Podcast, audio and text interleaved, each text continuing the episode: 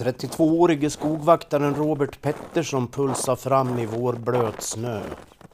Här i skogen har han både sin arbetsplats och sitt stora fritidsintresse, jakten. Han är anställd som skogvaktare på AB Karl Hedin.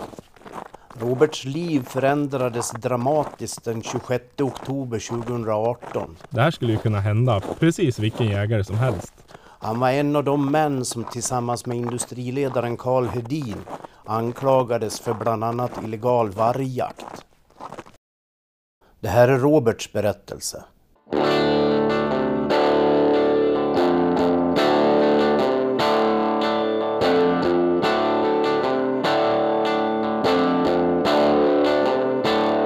Jag hade helgen innan varit och jagat älg och skjutit eh, ett dåligt skott på en älg. Men jag var lite osäker om det var bössan eller om det var jag som eh, var felet.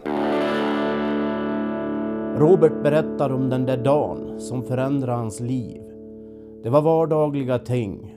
Han testsköt en bössa men fick också ta hand om en trafikskadad älg. Och under tiden jag håller på med den här älgen så ringer det en kille till mig och berättar att det har ylat varg i det här området som vi ska ha storjakt på. Det här var ju på fredagen då, men på lördagen och söndagen. Med mycket hundar och duktiga hundar som skulle komma och, och släppas lös i det här området.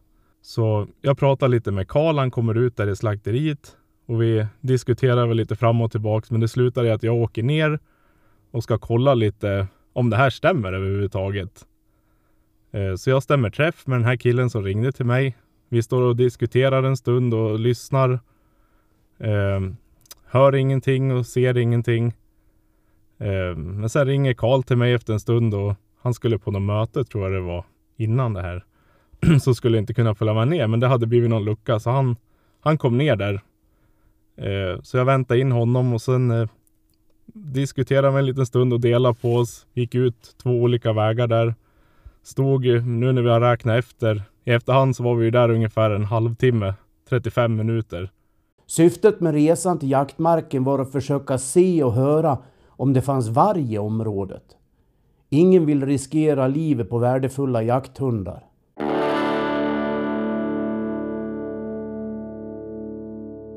Vad Robert inte visste i det läget det var att specialpolis nu var på väg mot Norberg för att gripa honom och Karl Hedin och de andra misstänkta. Det blev en del fixande inför jakten, sen lunch och en resa till affärer i Avesta med familjen. Sen åkte Robert och hans sambo och deras små barn hemåt.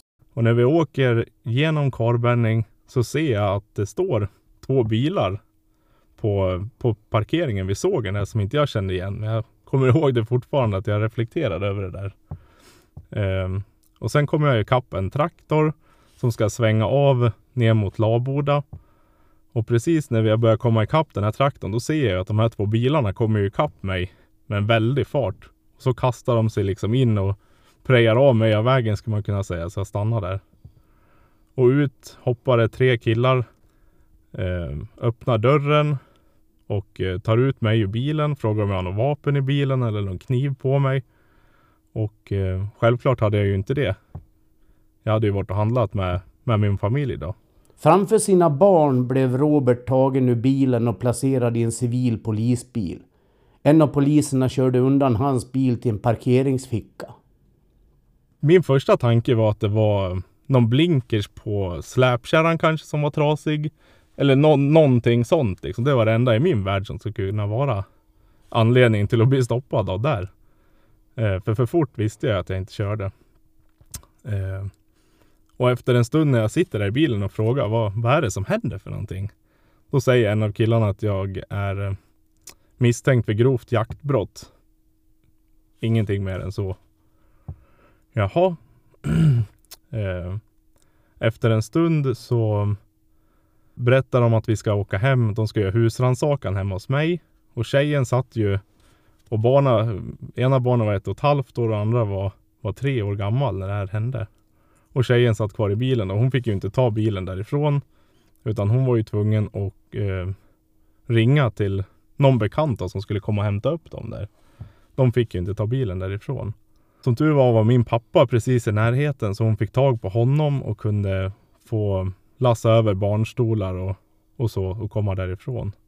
Hon fick inte åka hem och hämta blöjor eller mm, nappflaskor och grejer som, som behövdes, som de behövde då. Utan det var bara, nu är det stängt, nu, nu ska det bli husrannsakan. Efter en stund då så får jag visa poliserna vart jag bor någonstans. Och efter en stund då så rullar det in polisbilar från, från olika håll där på, på grusvägen efter där jag bor. Jag undrar ju hela tiden, det börjar ju snurra i huvudet liksom. Vad är det, vad är det som händer? Det var ju som på en, som på en film liksom. Eh, jag visste ju själv, det var ju, det hade ju inte hänt något konstigt på dagen. Eller någon annan dag heller för den delen. Så det, det, i mitt huvud gick det inte ihop. Sen hörde jag poliserna prata lite grann med varann och jag skulle in på något förhör. eh, men jag visste inte vart någonstans och det visste inte de heller. Men sen efter kanske en timme, en och en halv, då kom det en målad polisbil. De berättade för mig att jag skulle åka med dem och att vi skulle åka till Kronoberg i Stockholm.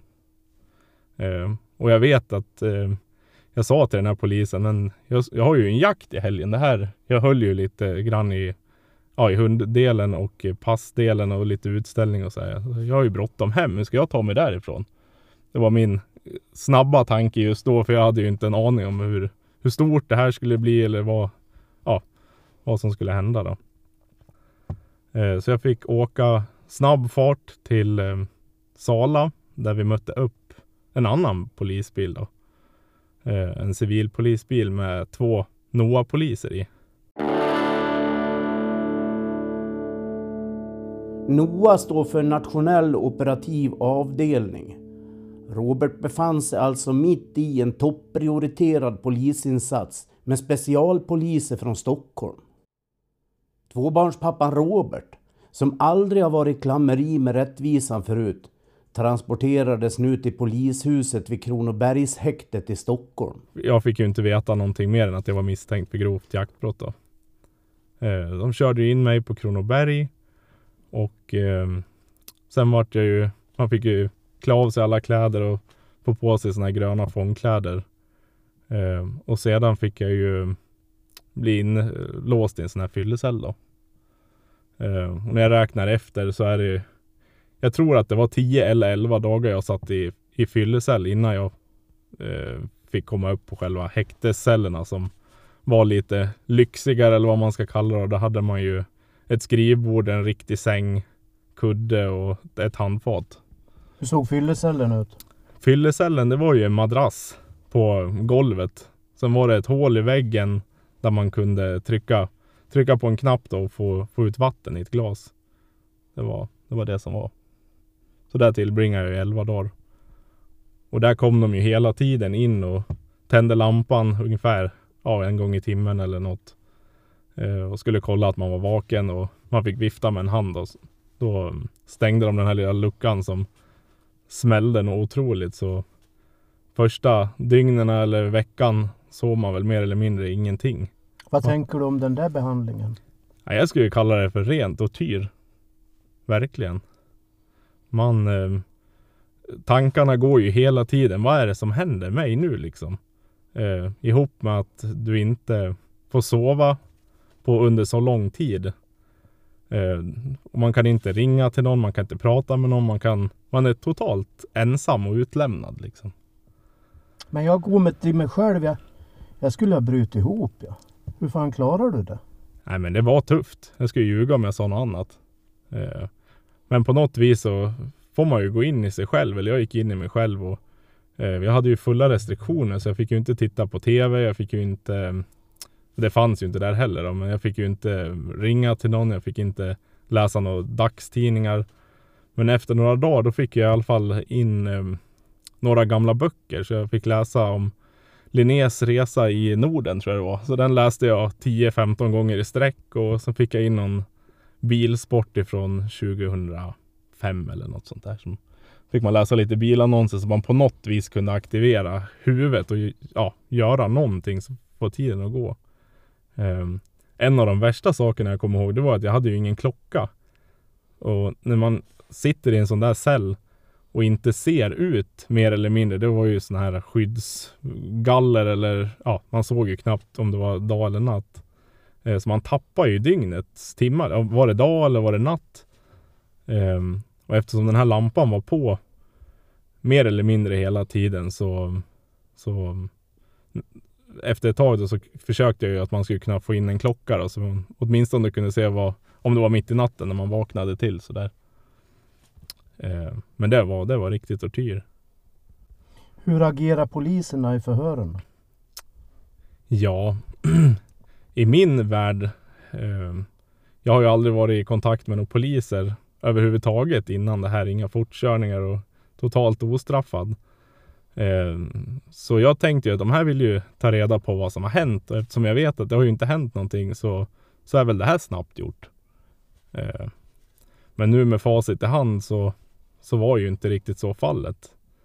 Eh, jag tycker inte de var objektiva någonstans. Man ville ju liksom inte ta reda på, på sanningen utan man hade en bild och det var den man jobbade efter. Och sen satt du där då isolerad från omvärlden i 30 dygn alltså? Ja, 31 dagar vart det.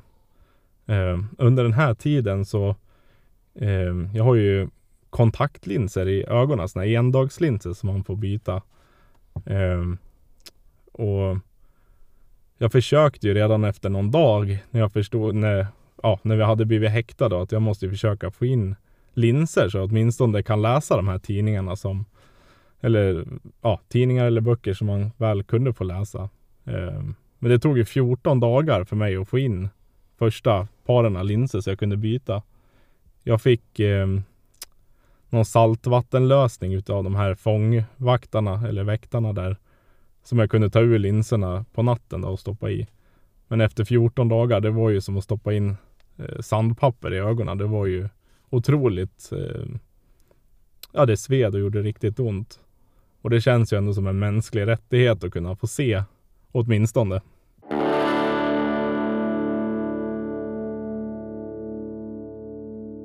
Roberts syn på rättssamhället har fått sig en rejäl törn av allt som har hänt. Nej, men jag är ju otroligt irriterad och eh, besviken att det får gå till så här. Det är ju värre än vad terroristerna blir utsatt för känns det som. Under den här tiden då Eh, så bad jag om att få ringa till min sambo. Vi pratar i vanliga fall varenda dag eller flera gånger om dagen. Ehm, och efter 14 dagar ungefär, när jag hade kommit upp i häktescellen och hade varit på ett förhör, då berättade en av de här ehm, NOA-poliserna att jag skulle få, få ringa till henne då. så efter ett par timmars förhör så mm, la de upp en telefon på bordet och så satt det två NOA-poliser, min advokat och jag då och eh, skulle ringa till henne. Eh, och det var ju ett, jag kommer ihåg det där samtalet än idag, för det var otroligt känsloladdat. Allt man hade varit utsatt för. Jag fick inte säga någonting överhuvudtaget om det som hade hänt mig eller vad, ja, om själva fallet då, för då skulle de lägga på på en gång. Ehm, så nej, det varit ett otroligt känsloladdat samtal och, och vad säger man liksom? Det, jag ville veta bara att alla hade det bra där hemma, att allting flöt på. Um, jag är ju lite sådana personer. Jag gillar ju, jag bryr mig väldigt mycket om, om de jag har runt omkring mig liksom. Och de var ju snarare att, fan, hur mår du liksom? Det här, vad händer? Uh, och det kunde jag ju inte ge något svar på. Um, efter ungefär en vecka till så fick vi ett samtal till. Då hade vi ändå fått prata en gång och jag hade ju förstått det här med att man fick eh, skriva brev till varandra. Så det var faktiskt en grej av det jag gjorde från fyllecellen kan man säga. Man fick begära in papper och penna. Så man fick skriva, skriva av sig eller skriva brev. Um, så det, det hjälpte nog faktiskt en del att man kände på något vis att du hade kontakt med utsidan fast det var olika steg på vägen både in och ut att folk läste igenom det. Men man hade ändå en liten kontakt med omvärlden. Hur upplevde din familj den där situationen? Ni har ju pratat om det här efteråt. Min tjej och familj och kompisar runt omkring de tycker det här har varit extremt jobbigt. Eh, tjejen kunde ju inte heller sova på flera dagar. Hon undrar ju vad som hände och det kom ju ut information i tidningar. Det läcktes ju liksom information hela tiden eh, ut i medierna. Så det stod ju om det överallt och vart ju folk som kom och frågade eh, hur det var och så. Men som jag har förstått det så eh, var det mycket jägare och kompisar som slöt upp och hjälpte till och var otroligt, otroligt eh, snälla och ställde upp. Sen eh, följde det ju flera års väntan på om det skulle bli åtal eller inte. Hur var den tiden? Nej, den tiden var ju såklart extremt jobbig. Jag tänkte ju på det här varenda dag. Eh, den här första 31 dagarna, de var ju såklart jättejobbiga där och då. Men på något vis när du kommer hem, du försöker komma in lite i vardagen och sådär igen. Jag kunde ju, kunde ju inte jaga på tre år. Eh, jag hade ju ena hunden som jag hade då, en gråhund, han var ju i sina toppår och presterade ju otroligt bra under de här åren när inte jag kunde eh, skjuta för honom själv. Nu hade jag ju kompisar som fick följa med och skjuta på ståndskall, men jag missade ju hans tre bästa år. Och anledningen var att de hade tagit dina vapen i beslag alltså? Ja, precis. De hade ju mina vapen i beslag i, i tre år. Då. Um, nej, så det var, det var svårt att på något vis leva ett normalt liv när hela, hela mitt normala liv eh, egentligen kretsar ju om jakt och alla kompisar eller de flesta jag har är ju jägare eller mer eller mindre skogsmänniskor så. Eh, så även fast jag kunde vara med och gå med hundarna och sådär så ja, den viktigaste biten eller en stor bit var med sin egen bössa och kunna skjuta en älg på stånd för sin hund eller och, eller kunna gå ut en kväll när jag känner för det och gå ut och pyscha eller ja, vad man nu vill göra så eh, den delen hade man ju tagit ifrån mig. Så och alla tankar just kring den här uh, rättssamhället eller hur man på något vis ska kunna lita på det efter det här. Med alla detaljer som har kommit fram. Det har ju varit så mycket turer fram och tillbaks. Och vi har fått reda på saker. Eh, som samtalen som har varit på tapeten så många gånger. Som de har förfalskat utskrifterna på som har legat till grund för häktningar. Eh, så nej, det, det har skadat tilliten till, till rättssamhället för min del väldigt mycket skulle jag säga. Eller totalt. Vad tänker du om rättssamhället idag? Ja, just de här delarna funkar ju inte alls. Ehm, det här skulle ju kunna hända precis vilken jägare som helst. I, i min värld hade det ja, aldrig kunnat hänt mig, men eftersom det gjorde det på så vaga grunder och inga bevis så det skulle kunna hända precis vem som helst. Sen var det precis som med många andra utredningar om grova jaktbrott. De misstänkta får vänta flera år för att få sina saker prövade i domstol. Det kom att ta två och ett halvt år innan det blev rättegång för Robert och de andra åtalade. Rättegången var ju ganska rörig. Ehm, det vart ju lite turer. Åklagaren kom ju fram med lite nya grejer just i min del då. Det var ju om eh, tiderna vi hade varit nere i Virsbo eh, han hade ju inte räknat med att vi hade lite restider där nere också. Annars stämde ju allting fanns ju loggat, våra telefoner mot master. Ehm, och hur man i sin vildaste fantasi kan tro att man åker ner och jagar och skjuter en varg på en halvtimme i, mitt på dagen. Det är ju ja, i min värld helt orimligt. Eller helt omöjligt med för den delen. Eh, domen i tingsrätten vart ju otroligt tydlig. Och jag har förstått på advokaterna och folk man har pratat med så är den ju extremt hårt skriven. Tydligt skriven. Eh, och gav ju verkligen åklagaren en känga där. Robert Pettersson och Karl Edin skulle ha åkt ut till jaktmarken i en halvtimme i syfte att jaga varg, påstod åklagaren. Men tingsrätten friade dem i en ovanligt klar dom. Det saknas helt bevisning, skrev tingsrätten i domen. Ändå valde åklagaren att driva fallet i hovrätten. Det är Robert Pettersson kritisk till. Han skulle ju såklart ha stannat mycket tidigare, men när han fått det eh, från tingsrätten svart på vitt, då borde han ju gett sig där. Eh, så det kändes som att han ville bara fortsätta för, för att skada oss. Det är min känsla. Och sen eh, kom det ju att bli ytterligare väntan innan det blev hovrätt sen då? Ja, precis. Det tog väl ungefär ett år till sen, eller ett och ett halvt, innan det kom upp i hovrätten. Där eh, bedömdes ju allting på, på handlingarna. Vi var ju inte fysiskt i Stockholm. Um, och den domen slog ju, slog ju fast tingsrättens dom. Jag fick ju tillbaks mina bössor dagen efter Karl, så det var ju på älgjaktspremiären. Så jag fick ju åka in och hämta dem på eftermiddagen på älgjaktspremiären. Och det var ju otrolig lättnad i kroppen. Och äntligen få tillbaka sina vapen och kunna jaga igen.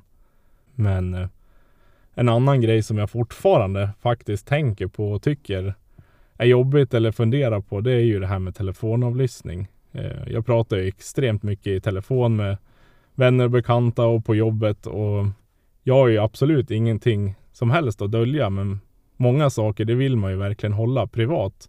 Det kan ju vara hur någon mår, om det är ja, egentligen vad som helst privat så som man vill hålla.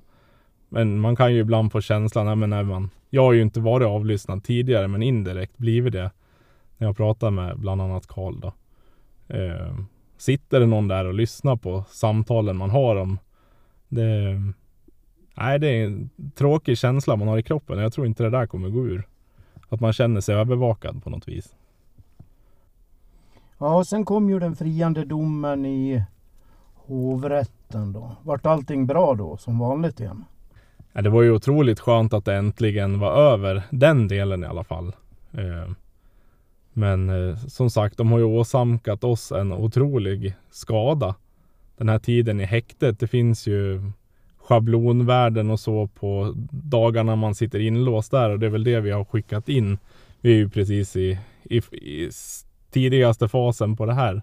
Men eh, själva skadan, de här tre, fyra åren som gick, det är ju mm, otroligt lång tid.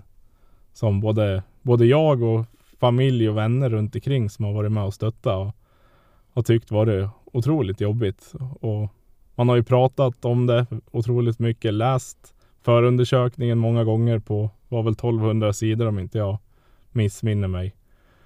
Eh, och på något vis försöka förstå hur hänger det här ihop? Och att allting startar med, med det här tro. Det här skulle ju kunna hända precis vilken jägare som helst. I, i min värld hade det ja, aldrig kunnat hänt mig, men eftersom det gjorde det på så vaga grunder och inga bevis så det skulle kunna hända precis vem som helst. Det går inte ihop. Samhället utsatte Robert och de andra inblandade för en behandling som satte spår och kommer att hänga med resten av deras liv. Tre, fyra år gick förlorade och för det får Robert sannolikt cirka 30 000 kronor. Det är ersättning för förlorad arbetsförtjänst under tiden han satt frihetsberövad. Det är ju verkligen ett skämt. Man tror ju någonstans, har man gjort fel då gör man ju rätt för sig och på något vis ber om ursäkt och eh, ja, i vårat fall då, en del av det hade ju kunnat vara ett rejält skadestånd. Eh, som, eh, som är i relation till, till skadan de har gjort. Det här har ju blivit otroligt uppmärksammat fall. Har ju varit väldigt mycket i medier hela tiden under resans gång. Ehm, vissa har ju säkert tyckt att ehm, även fast vi är frikända och eh, det inte finns något bevis och vi inte har gjort någonting så kan de ju säkert tycka att vi har varit någon form av kriminella ändå eftersom det här har hänt. Eh, så nej, det är verkligen ett, det är ett, ett skämt. Är det. Hur har det förändrat dig som människa det här? Nej, men jag har eh, som, sagt, det här jag pratat om med telefonen. Jag tycker, tycker det är lite halvt olustigt att prata i telefon. Ibland när man är ute och jagar Eh, sen råkar man se ett vargspår på marken när man har tänkt jaga. Då bubblar det ju upp någonting i kroppen. Säger vad fan, kommer det här hända idag igen liksom? Även fast du är ute och jagar älg. Eller vad man nu jagar. Eh, på något vis fått svårare att lita på folk.